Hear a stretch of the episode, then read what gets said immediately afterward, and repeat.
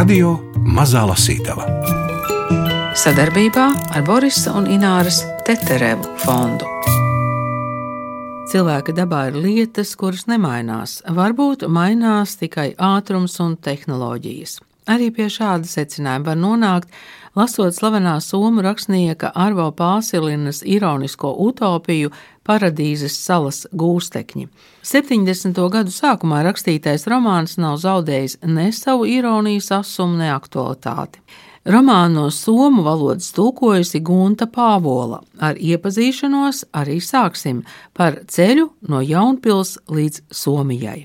Stāsts ir maķenīti pagarš, bet uh, īsumā tas ir apmēram tāds. Um, 90. gadu pašā sākumā viena no vidussomijas skolām meklēja draudzības skolu Latvijā un apvaicājās Annai Žīgurē, kuru Somija jau tolaik ļoti labi pazina, jo viņa rakstīja regulāri rakstus par Latviju, un arī viņa tika intervētāta Somijas rādio. Šī skola bija mana Jaunpils vidusskola. Ar Somiju draudzību tad arī tajā laikā sākās 90, 91, 92 gadā. Un caur šo draudzību, šīs draudzības rezultātā 93. gadā es atbraucu uz Somiju mācīties. Pēc somu ielūguma mācīties somu valodu, kultūru. Pie viena arī iestājos universitātē, tā kā es vēl aizvien esmu šeit. Un... Bet jūs universitāti pabeidzāt, vai vēl jums ir parādiņi palikuši? Man maģistra darbam ir pats pats īsākais parādiņš, palicis vēl pārējais, viss ir pabeigts. Tad man ir bakalaurs un uh, es esmu etnoloģija pēc izglītības ar uh, psiholoģijas un filozofijas piešķirti. Tātad valodas neesmu studējusi atsevišķi, bet uh, kā 90. gadu pašā sākumā mēs bijām tikai daži latvieši. Tad um, tie daži, kas šeit bijām un kas varēja kaut pus, pusotru vārdu somiski pateikt, mēs arī sākām tulkot. Un savukārt literatūru es sāku tulkot rakstiski, sāku tulkot, kad strādāju 90. gadu vidū Latvijas vēstniecībā Somijā ar to pašu Anu Žīguri vienā komandā. Un... Tas ir pagājis jau apmēram ceturdaļu gadsimts. Jā, jā. Tā ir. Arto Pāsilina, es pieļauju, ka tas ir ļoti slavens somu rakstnieks, vai ne? Un, un ir Jā. pat arī dažas grāmatas latviešu valodā. Jā, latviešu ir izdotas septiņas. Es pārbaudīju, no tām divas ir Ingrīdas Peldeksas tulkojumā, un trīs ir tulkojis Matīs Streimanis, kas arī ir viens no senajiem Somijas draugiem un somu valodas pārzinātājiem. Matīs bija savulaik, tad, kad Somija ieradās Jaunpilī ciemos pie mums 92. gadā. Matīs bija tulks viņiem līdzi. Vai varētu kaut kāds paralēls vilkt, teiksim, ar to pāsilīnu somiem ir tas pats, un jūs varētu turpināt, kas, kas latviešiem, kas latviešiem, vai es nezinu, kas čehiem, vai Tik kādu līdzību? Ar to pāsilīnu es drīzāk pat salīdzinātu nevis ar, uzreiz man pat nenāk prātā, kas latviski varētu būt līdzīgs, bet uh, viņu varētu salīdzināt ar ar no somu rakstniekiem, kas latviešu vēl nav tulkots, ir Anti Tomainiens, kas raksta tikpat absurdi, uzjautrinošus stāstus par tā laika, nu, Pāsilina sava laika, 78. gada sabiedrību, bet uh, Tomainiens raksta par mūsdienām.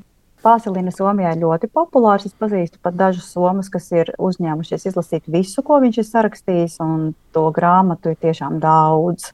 Pāsilina bija ļoti ražīgs autors patiesībā man ir mazliet žēl, ka viņām vairs nav iespējams uzdot jautājumus, jo būtu bijis tulkošanas procesā būtu bijis ļoti interesanti par dažām lietām apvaicāties, kā to tulkot mūsdienās. Piemēram, šī grāmata, par ko mēs šodien runājām, ir sarakstīta 70. gados. Jā, paradīzes eh, salas gūstekņi. Jūs varētu tādu mazu priekšvārdu šai grāmatai pirms Gundars lasīs, jo es izlasīju un atsevišķas epizodes man šķiet, nu, pilnīgi noteikti filmas eh, cienīgas, protams, arī visa grāmata, bet lai mēs apmēram saprotam, kāda ir tā situācija, kurā tas viss turpina notikt. Tātad um, apvienoto nāciju organizācijas uh, čārterreisā ar medicīnas darbiniekiem un uh, somu mežstrādniekiem nejauši ir iegadījies arī kāds žurnālists. Šī lidmašīna okeāna vidū avarē. Lielākā daļa izglābjas, un viņi ir nokļuvuši tādā paradīzes salā, un viņiem nav ne mazākās nojēgas, kur tas ir, kā nokļūt atpakaļ pie civilizācijas, un šie cilvēki vienkārši sāk darīt visu, ko viņi prot, likt savas gudrās galvas kopā, lai izdzīvotu. Tā kā Robinsona mazliet. Jā, mazliet, bet diezgan jā, daudz viņi tur ir. Jā. 48 par šo starp citu man ir interesants stāsts, jo ar šai grāmatai ir brīnišķīga redaktore, kura bija skaitījusi, ka tie cilvēki, kas ir minēti grāmatas sākumā, grāmatas beigās, nesakrīt cipars. Šādus redaktorus vajadzētu visām grāmatām. Nu, tad jūs tos atradāt. vai, nu, vai nu kāds nomira vai piedzima? Uh, nē, vienā vietā bija norādīti deviņi norvēģu ārsti, un patiesībā viņi bija tikai divi. Tas bija daudz tehniskākas dabas problēma.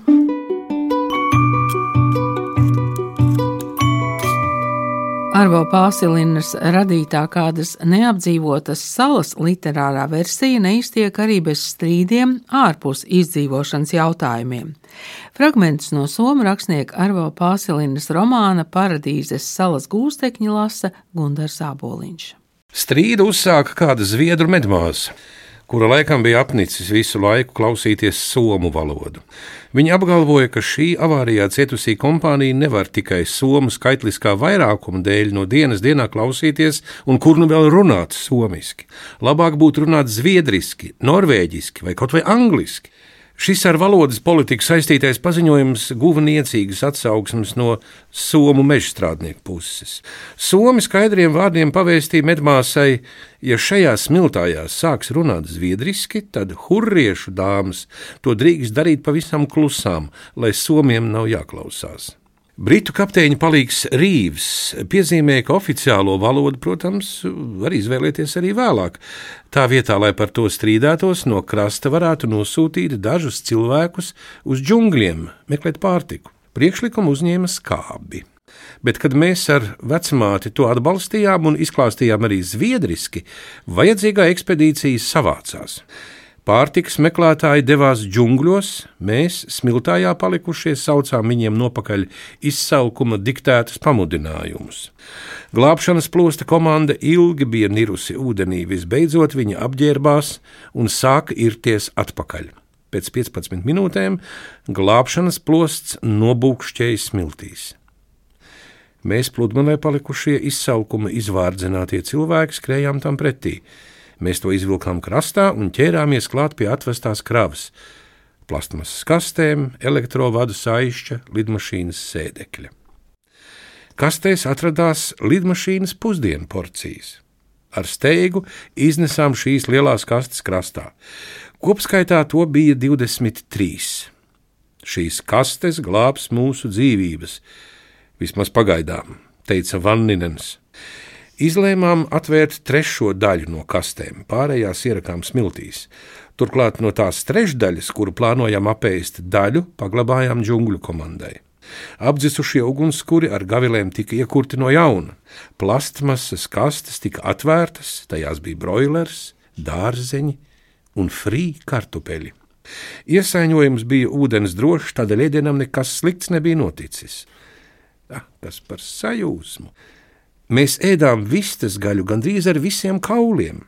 Daļa no klātesošajiem savu porciju ēda lēnām, izbaudot katru kumosu, bet daudzi bija pārāk izsalkuši, lai baudītu maltīt. Viņi koda gaļu lieliem kumosiem, norīt to nesakošļāt, un drīz vien viņu porcijas bija apēstas. Pēkšņi divas sievietes, kuras bija notiesājušas savas porcijas ātrāk par citiem, paķēra blakus esošo cilvēku vistas kājas un iejoza ar visu guvumu džungļos. Viņas paslēpās zaļumos un nekavējoties aprija nočieptos kumosus. Tā bija kā zīme. Ļaudis krastā zaudēja pacietību. Pārējās porcijas vienā mirklī pazuda izsaukušajās mutēs un sākās strīds par atlikumiem. Tobrīd gāja karsti. Ap ugunskuriem vēl bija palicis ēdiens, bet pēc tā stiepās kārīgas rokas, daudzas vienlaikus, un rezultātā ēdiens pazuda gan nepareizās mutēs, gan smiltīs, kur tas tika sabradāts. Es paķēru atlikušās ēdienu porcijas un steigšus ieskrēju džungļos. Dzirdēju, ka Vanninens krastā aizkaitināt brēc, šos pēdējos jūs neaiztiksiet! To pašu Vanninens izbrēc arī zviedriski un angliski. Minēju, ka aptrakušais pūlis izsalkumā un uzbudinājumā mēģināja izkašņāt no smiltīm, tur glabāšanai ieraktos plastmasas iepakojumus. Es aizelsies atbalstījos džungļos pret koku, klēpis bija pilns ar karstu vistas gaļu. Attapos tikai tad, kad aiz muguras izdzirdēju cilvēku balsis. Uz džungļiem aizsūtītā ekspedīcija atgriezās no sviedrējoša pārgājiena. Rindā ejošā grupa apstājās pie manis. Stingrā tonī man noprasīja, kur es tādus gardumus esmu dabūjis. Atbildēja, ka izglābu, ko spēju. Īsi pārstāstīja notikumus un piedāvāju izsaukumu novārdzinātajiem džungļu apceļotājiem vistas gaļu. Tad caur biežņu izgājām atkal smiltīs. Tur Vanninenam, saniknota lielākoties no sievietēm sastāvoša pūļu vidū klājās plāni. Mūsu pārsteidzošā parādīšanās atstāja spēcīgu iespaidu. Ārdīšanās beidzās kā nagla pie galviņas. Ap vanninenu ņēmies sieviešu un vīriešu bars izklīda klusām, visi bija nokaunējušies, daļa paslēpās džungļu aizsegā, daļa centās attaisnot savu izturēšanos. Vanninens noguris nopūtās, nu gals bija patiešām tuvu. Es nodomāju, ka ir nu gan rietumu uzvedības kultūra vārga, vismaz attiecībā uz ēšanas paradumiem. Ar to šī situācija bija galā. Arī viskautrīgākie atgriezās smiltājā. Vanninens, vecmāte un es no džungļiem pārnākušajiem sadalījām atlikušo vistas gaļu. Konstatējām, lai gan broileri bija iemīdīti smiltīs, kaitējums nav pārāk liels. Otra džungļu ekspedīcija nogurusi ēda. Tomēr tā bija visai apmierināta ar savu gājienu, un bija jau arī iemesls, jo viņiem bija izdevies nomedīt gandrīz desmit lielas vardes, trīs zaļas čūskas, sadabūt 15 riekšavu sakņu un pāris klēpju augļu, vienkārši izcils gubums. Kad visi bija pēduši, ļaudis izklīd gulēt. Bija jau dienas vidus, tādēļ miegs bija salds. Pirmo reizi šajā pasaules nostūrī mēs aizmigām ar pilniem vēderiem. Jā, starp citu, Gunārs, kad lasīja vairākas reizes norijas iekalas. Jā. Acīm redzot, pirms tika iemīdīti tie cāļi.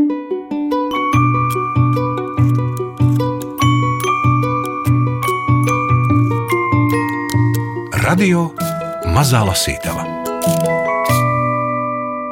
Ēdienas, dzēriens, guļvietas un citas eksistenciālas problēmas tiek risinātas, bet no salas cilvēki prom netiek.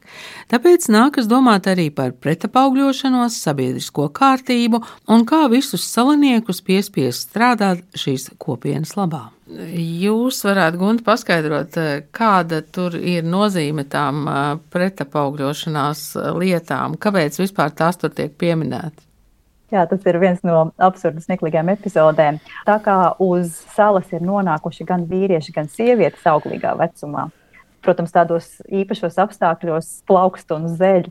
Mīlestība arī fiziskā formā ir, tāpēc ir viņiem jāsaprot, ko darīt, lai, teiksim, sala drīz netiek pārapdzīvota šis risinājums ir diezgan ģeniāls. Teiksim, ir tas, tas, ko viņi izmanto tīri fiziski.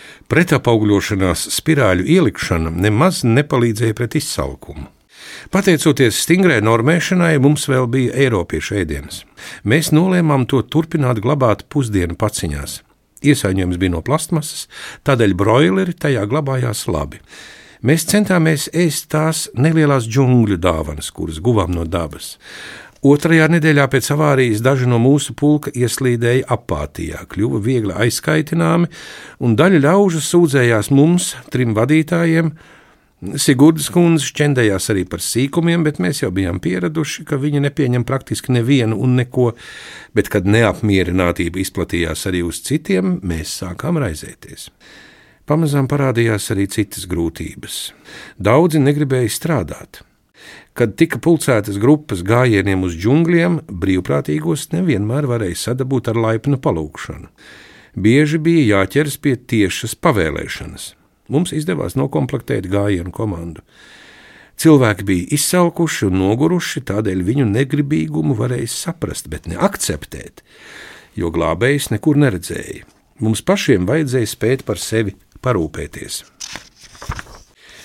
Visbeidzot atklājās, ka uz džungļiem nosūtītās ekspedīcijas sākušas nobēdzināt atrasto pārtiku slēpņos. Uz krastu nometnes lietošanai tika atnesta tikai daļa guvuma.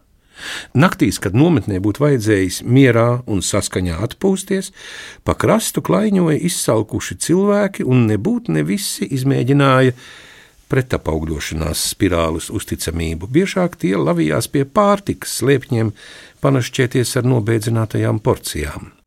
Pārtikas slēpšana no dienas dienā kļuva izplatītāka. Tā bija tapusi te par ieradumu jau otrās krastā pavadītās nedēļas vidū. Kopējais gars mūsu pulkā bija sabrucis, izsaukums mazināja garīgo spēku, un izskatījās, ka visa kompānija aizies bojā, ja neizdosies panākt pārmaiņas. Vecmāte, kur mums visiem bija sākusi patikt sava godīguma un laipnības dēļ, visbeidzot vērsās pie Vanninena un pie manis. Puiši, ja mēs drīzumā netiksim prom no šīs salas, šie cilvēki cits citu apēdīs. Vanninens klusām murmināja, es brīnos. Nāk prātā Leņņģerādas blokāde. Tur bija sals, pārtiks praktiski nebija. Vācieši turēja pilsētu aplankumā 900 dienas, to apšaudīja ar lielgabaliem un bombardēja no lidmašīnām, tomēr tā izturēja. Bet mums ir grūtības jau pēc tik īsa laika, un neviens mūs pat neapšauda, un kādā klimatā mēs varam uzturēties. Mēs esam neiedzīgi cilvēki. Vecmāte sacīja, ka Ļeņingradiešiem blokādes laikā nebija nekādu citu iespēju, kā izturēt vai aiziet bojā, jo vācieši taču bija skaidri paziņojuši, ka viņi nolīdzinās pilsētu līdz ar zemi. Vanninens skābi teica, nu, cik saprotu, arī mums nav vairāk variantu. Ja pārtika pastāvīgi tiek slēpta, mūs gaida bada nāve. Mēs neesam redzējuši nevienu pašu cilvēku, nevienu pašu kuģi vai lidmašīnu, nedz arī kādas apdzīvotu vietu pazīmes. No šejienes prom tikt nav viegli. Es domāju, ka mēs šajā krastmalā sēdēsim ilgi. Var paiet pat desmit gadi. Patiešām likās neticami, ka mūsu tuvākajā laikā varētu izglābt. Iespējamās glābšanas lidmašīnas acīm redzot bija sūtītas nepareizā virzienā, un tagad noteikti jau atsauktas rezultātu trūkuma dēļ. Mēs Eiropai bijām miruši. Vecmāte ieminējās, ka kopīga gara trūkums var būt izskaidrojams ar to, ka cilvēki vairs neusticas mums trim un grib jaunus vadītājus. Londonens tam piekrita un ierosināja rīkot vēlēšanas. Teiksim viņam tā, ja kārtība neatjaunosies, tas nozīmē visu bojā eju, un ja kompānija grib mainīt vadību, mēs noteikti ļausim citiem pamēģināt. Arī man bija zināmā mērā apnicis pūlēties šī nepateicīgā pūļa labā. Mēs sasaucām nometni. Purpinošs bars, šaubīgi sapulcējās. Varbūt cilvēki baidījās, ka atkal nāksies doties apgrūtinošos pārgājienos. Vaninens sāk runāt. Viņš konstatēja, ka sadarbības gara vairs nav, un visu nometni gaida lēna iznīcība, ja viena situācija neuzlabosies. Ļaudis īgni klausījās, kad Vandinēns pieminēja pārtikas slēpšanu. Daudzi skatījās uz kāju pirkstiem, daži apvainojušies lūkojās viļņos. Pēc Vandinēna runāja vecmāte pēc viņas domām veselības aprūpas izglītību ieguvušām personām, kuras turklāt bija izvēlētas apvienoto nāciju organizācijas īpašajiem uzdevumiem, arī sarežģītākā situācijā vajadzētu ar godu paciest visas iespējamās grūtības un neatlaidīgi pūlēties kopīga labuma vārtā. Vecmāte prasmīgi rāja nometnes dalībniekus. Runa iedarbojās, klausītājus pārņēma vispārējs kauns. Arī es pateicu dažus vārdus, kurus jau īpaši veltīju somu meža strādniekiem. Es viņus nosodīju par gļēvulību un pieminēju, ka ziemeļu cirsmās šādi vīri būtu kārtīgi dabūjuši pa ādu. Beigās mēs izteicām solījumu par vēlēšanām. Olsens gribēja runāt. Manuprāt, te vismaz šobrīd vēlēšanas nav vajadzīgas. Drīzāk mums vajadzētu izveidot kaut kādas grupas un izvēlēt to vadītājus. Un es domāju, tādas grupas, kuras pēc darba dalīšanas principiem specializētos katra savā jomā. Nu, tā kā ministrijas. Piemēram, vajadzētu izraudzīties piemērots cilvēks zvejošanai, kāda kompānija varētu pievērsties medībām, un viena grupa varētu turpināt sakņu un augļu vākšanu, viena rūpētos par slimajiem, viena gatavot ēdienu. Olsena priekšlikums likās saprātīgs. Ļaudis sāka to aizrautīgi apspriest, un tā tika nolemts organizēt grupas. Par zvejnieku komandas vadītāju izvēlēja pilotu Tayloru. Viņš pats sevi ieteica šim amatam, pamatodams to tā, ka viņš visai labi pārzinot ar zvejošanu saistītas lietas un jau atvaļinājumos esot aizrautīgi zvejojis tropiskajos ūdeņos. Teilors sacīja, ka viņam patīk zvejot, un piebilda, ja tagad viņu šim amatam neizvēlēšot, varot notikt tā, ka arī vēlāk viņam neusticēšot neko atbildīgu. Tā nu Teilors tika pie amata. Par veselības aprūpes grupas vadītāju izvēlēja Sigurdas kundzi. Tomēr ar tādu noteikumu, ka problēmas situācijās viņai ir jāuzklausa mūsu trīs ārsti. Es pieprasīšu atbildības un tiesību jomu ierobežojušo klauzulu par Sigurdas kundzes izvēlēšanas priekšnoteikumu, un neviens neprotestēja. Lakonens saņēma uzdevumu rūpēties par to, lai krastā vienmēr būtu malka un citi koku materiāli, un divi mūsu kompānijas mežstrādnieki, Ranninens un Lākijo, tika izvirzīti katrs par savas džungļu grupas vadītāju. Viņiem pateica, ka jātīsta medīšana un džungļos jāizplēš takas. No sievietēm izveidoja trīs vācēju grupas. To vadībā iecēla zviedrieti Gunvoru, īsti glītu sievieti, gandrīz tikpat smuko Mariju Lēnu un somieti Sirpu. Pārtikas joma tika nodota Zviedrietes Ingrīdas pārziņā. Tad sapulcs beidzās. Vadītāji sapulcējās drīz pēc tam. Viņi izlēma, ka nevienas grupas vadītājs vismaz pagaidām vēl neveidos, pastāvīgu grupu biedri tiks sapulcināti pēc vajadzības. Tādējādi vadītāji iepazīsies ar katra avārijā cietušā paradumiem un vēlmēm, un katrs cilvēks pamazām varēs iesaistīties vispiemērotākajā darbā. Vēl vadītāji norunāja, ka ikvienam jāpalīdz citas grupas darbā, ja viņš būs brīvs no saviem pienākumiem. Arī nometnes triumvirātam noteica tādu pašu pienākumu. Par ikdienas darba laiku sākumā noteica dienas gaišo laiku, Mēs nekādu vēl nevarējām ievērot Eiropas likumdošanu attiecībā uz darba laiku. Pirms izklīdām Teilors jautāja, ko darīt, ja vēl būs pārtikas slēpšana vai citi noziegumi. Vai mums vēl šai nolādētajai pludmalē vajadzēs izvēlēties policiju? prātoja Kristiansens. No kopjo apriņķa meža padomu šajā braucienā trāpījies mežstrādnieks Ranninens, uzskatīja, ka gan jau tiks galā ar sodīšanu par pārkāpumiem, tad, ja tādi parādīsies. Sados pa muguru, ja vainīgais izrādīsies vīrietis, vai izpeldinās, ja pārkāpēji būs sieviete. Policija netika izvēlēta.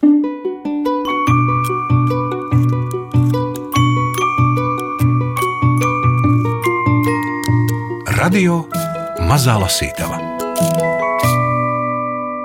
Paradīzes salas gūstekņi. Romāns, kur autors ir slavenais Soms Arvo Pāsilina, viņam latviešu valodā jau tulkoti septiņi romāni. No somu valodas paradīzes salas gūstekņus tulkojusi Gunta Pāvola, izdevusi Zvaigzne ABC. Ironiskajai utopijai pievienojās Agita Bērziņa, Nora Mitspapa un Ingvilda Strautmane, lasīja Gunārs Āboliņš arī epizodi par džungļu kanģes dzīšanu. Mēs savodām dūmu smaku. Rāpojām pa slapjiem džungļiem, tuvāk līdz saklausījām sarunu zemās balsīs, kuru tomēr nesapratām. Putni un mērkaķi jau bija nomierinājušies, un mēs rāpojām vīriem ar vien tuvāk, baidīdamies, ka tie mūs pamanīs. Tomēr tāda riska nebija, jo vīri domājās, esam trietā. Mēs jau sākām saklausīt viņu sarunu. Šodien dzersim tikai pa puslitram uz galviņu, Lemsis sacīja. Pārējie piekrītoši smējās.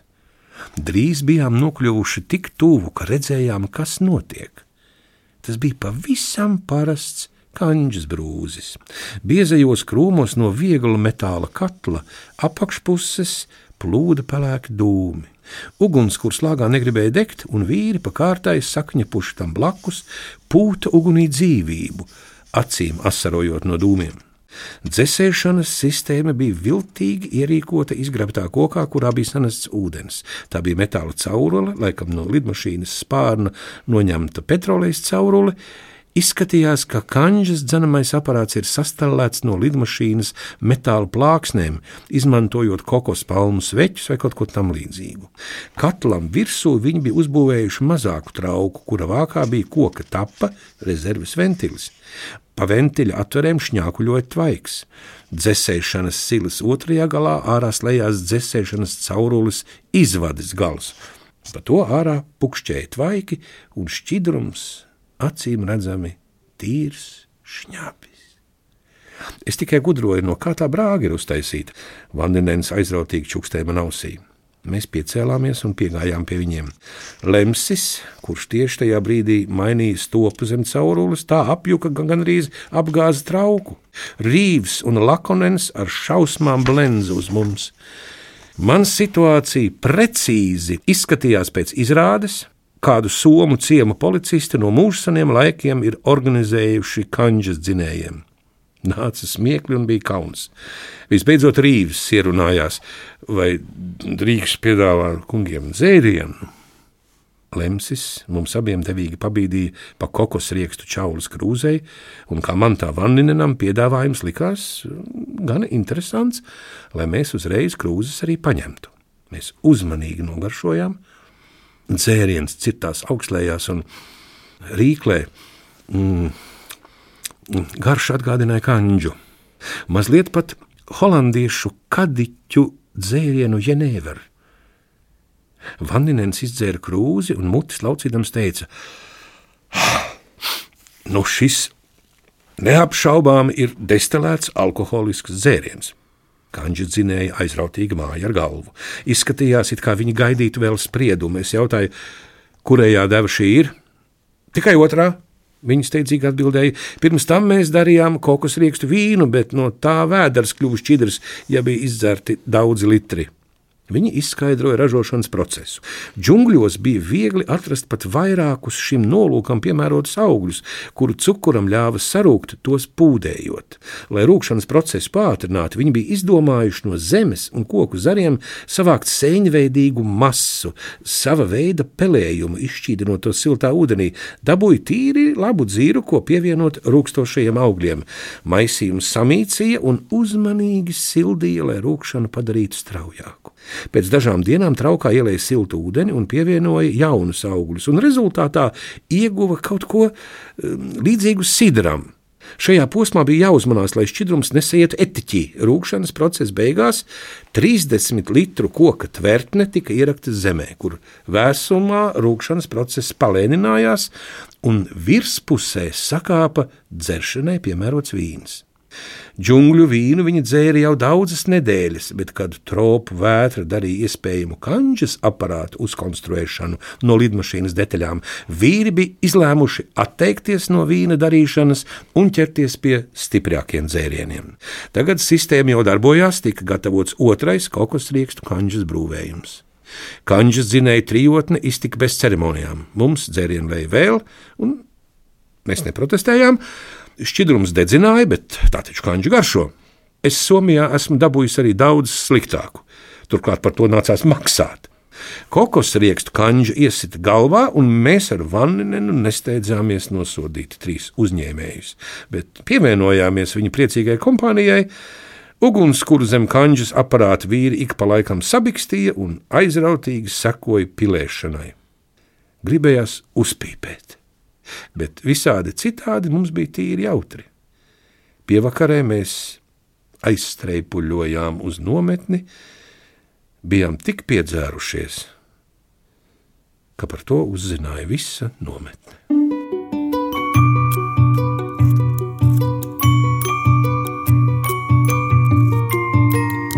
Radio Mazā Lasītava sadarbībā ar Borisa un Ināras Teterevu fondu.